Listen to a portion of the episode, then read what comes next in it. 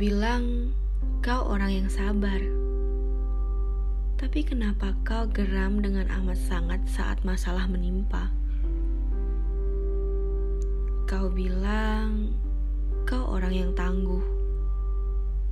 Tapi kenapa kau mencari tempat untukmu berlari? Kau bilang kau adalah orang yang menerima dan menghargai setiap keputusan.